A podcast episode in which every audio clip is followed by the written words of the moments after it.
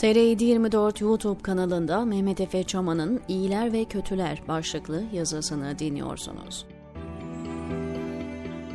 Bu seçimler Türkiye'nin en kritik seçimleri. Evet, fakat bazılarının lanse ettiği şekilde iyilerle kötülerin arasında tercih yapılmayacak.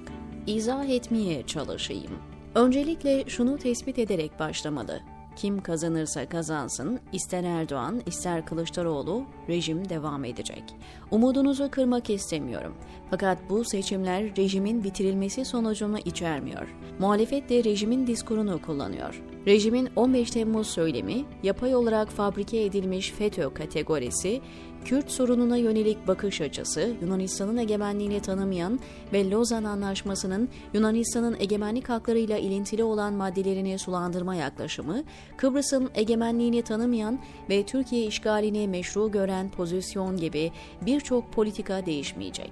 Batı'yı öteki olarak algılayan AB ve NATO dışı ideolojik dış politika seçimlerinde bulunmaya meyilli, devleti idealize eden bir anlayışa sahip, üniter ve merkeziyetçi devlette ısrar eden, Türk üstünlükçü ve etnik homojenleştirici 100 yıllık politikaları sorgulamayan, klasik diyebileceğimiz Türkiye siyasetinin olağan patolojik parametreleri değişmeyecek. Şimdi bu yazıyı okuyanların bile ne var bunda dediğini duyar gibiyim çok şey var. Birçokları Kılıçdaroğlu ve Millet İttifakı'nı inanılmaz derecede idealize ediyor. Erdoğan gidince her şey güllük gülistanlık olacak zannediyor. Oysa Türkiye'nin demokrasi ve hukuk sorunları Erdoğan'la başlamadı. Dahası Türkiye tarihinin hiçbir döneminde tam bir hukuk devleti olamadı. Dahası Türkiye tarihinin hiçbir döneminde tam bir hukuk devleti olamadı. Eğer köklü bir iyileşme olacaksa çok temel bazı şeylerin değişmesi gerekiyor. İddiaçılar tarafından yapay olarak yaratılmış, gerçeklerle bağdaşmayan bir resmi tarih tezi üzerine oturtulmuş Türk kimliğinden başlayarak ademi merkeziyetçiliğe ve federalizme yelken açacak değişimleri talep eden, Kürt realitesini iki topluluğun anayasaya geçecek şekilde tanındığı ve benimsendiği, temel insan hak ve özgürlüklerinin anayasanın temelini oluşturduğu, çoğulculuğun ve bunun garantisi olacak seküler bir devletin esas alındığı, sınırlarını kabul eden ve komşularının egemenlik haklarını sorgulamayan, eşitliklerin ve bireysel özgürlüklerin uygulamada sağlandığı bir Türkiye bu seçimlerden sonra kurulmayacak. Bu seçimlerden sonra FETÖ ile irtibatlı iltisaklı denilerek kriminalize edilen insanlar kara listeye alındıkları hızla hiçbir bürokratik veya yasal prosedür olmaksızın iade-i itibara tabi tutulmayacak. KHK'lara buyurun yarın göreve başlayın denmeyecek. Hapishanedeki bebekler ve çocuklar 15 Mayıs sabahı anneleriyle beraber rutubetli cezaevi hücrelerinden özgürlüğün gün ışığına çıkarılmayacaklar. Kapatılan gazeteler ve televizyon kanalları ya da üniversiteler ve diğer eğitim kurumları açılmayacak. Evleri uzaktan ağır silahlarla bombalanmış Kürtlere tazminat ödenmeyecek. Onlardan özür dilemeyecekler. Ne mutlu Türk'üm yazdıkları dağlarından taşlarından bu sloganları silmeyecekler. Çocuklara zorla Türkçe öğretmekten, okullarda onları asimile edici müfredatları uygulamaktan vazgeçmeyecekler. Mahkemelerde Türkçe bilmeyen insanlara tercüman sağlamamak, mecliste konuşan Kürt vekillere tanımlanmayan bir dilde konuştu diyerek tutanak tutmak gibi arkaik politikalar son bulmayacak. Milli iradeye adice müdahale edip içeri tıktıkları Selahattin Demirtaş, 10 Kürt vekil, yüzlerce Kürt yerel yönetici 15 Mayıs sabahı özgürlüklerine kavuşup kendilerinden gasp edilen siyasi koltuklarına geri dönmeyecekler. Seçimlerin galibi Kılıçdaroğlu da olsa yargı sevgili Sayit Sefa'nın dediği gibi hemen bağımsız ve tarafsız hale gelmeyecek. Ne Anayasa Mahkemesi ne diğer yüksek yargı organları ne diğer mahkemeler seçimlerin ertesinde sanki Erdoğan dönemi hiç yaşanmamış gibi bağımsız, tarafsız, dört dörtlük yargı kurumları haline dönüşmeyecekler. Polisin ve istihbaratın devletin organları değil rejimin sopası olma durumu seçimlerden sonra son bulmayacak. İşkence, kötü muamele, adam kaçırmalar, devletin genel özgürlük karşıtı pozisyonu, devletin resmi tarihi, endoktrine ettiği resmi etno-ırkçı kimliği, diyanetinden hariciyesine, maliyesinden askeriyesine, son 7 yılda gerçekleşen erozyon ve yozlaşma 15 Mayıs'ta bir anda tamir edilmeyecek. Bu yazdıklarım iyilerle kötülerin birbirinden çok bariz ve anlaşılır şekilde ayrılabildiği bir ortamda olmadığımızı vurguluyor.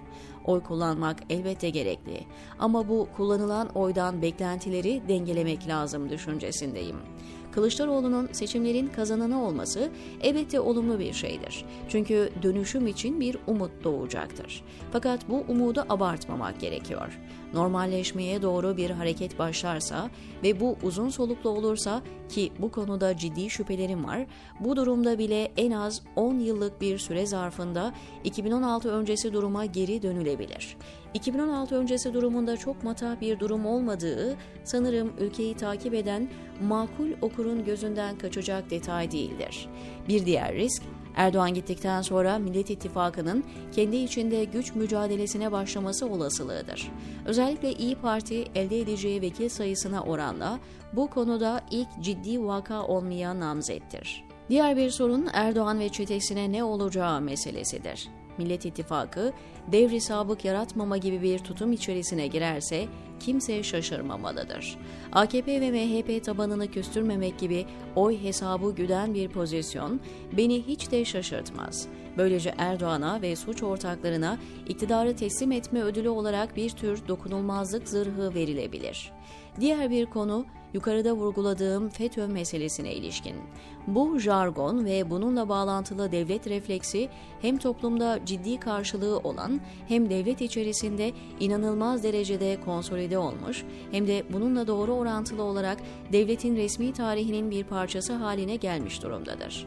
Diğer bir ifadeyle ben FETÖ jargonunun terk edileceğini sanmıyorum böyle bir örgüt yokmuş, bu tamamen Erdoğan ve adamlarının uydurmasıymış gibi bir pozisyona girmeyecekler. Yoksa elbette terimin içinin boşluğunu biliyorlar.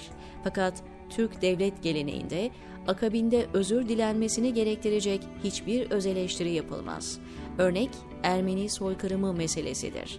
FETÖ kavramı unutulmamalıdır ki içinde CHP ve İyi Parti'nin de olduğu Yeni Kapı İttifakı'nın mihenk taşıdır. Dolayısıyla geri adım atılması CHP'ye de İyi Parti'ye de olumsuz yansır. Kaldı ki dediğim gibi toplumda bu kavram iyice oturdu ve bir değişiklik yapma girişiminin karşı tarafa bu değişimin karşısında yer alacak herhangi bir siyasi partiye büyük bir avantaj sağlama durumu söz konusu olacaktır.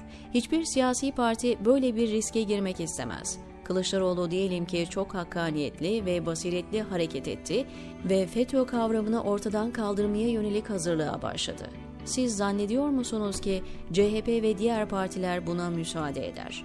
Ayrıca Kılıçdaroğlu da böyle bir siyasi intihara bilerek girişmez. Bu seçimler iyilerle kötülerin arasında tercih yapılacak bir seçim değildir. Bazıları demokrasi perisi sihirli değneğiyle dokunursa 15 Mayıs'ta Türkiye bir anda değişir, dönüşür, düzelir zannediyor. Bakın, uyarıyorum. Umut iyi bir şeydir ama gerçeklik ve rasyonel akıl çok daha iyidir. 15 Mayıs sonrası KHK'lıların bir kısmının hakları iade edilir. Bir kısım düzenlemeler olur. Kısmi bir yargı reformu yapılabilir. Kısmen basın görece özgürleşebilir. Bunların olması yıllar alacak olsa da evet bunlar olumlu şeylerdir. Fakat Türkiye'de batı standartlarında bir hukuk devleti ve demokrasi kurmak, jenerasyonlar boyu mücadeleyi ve sürekli aynı istikamette kararlı bir ilerlemeyi gerektiriyor argo deyimiyle ne kadar ekmek o kadar köfte.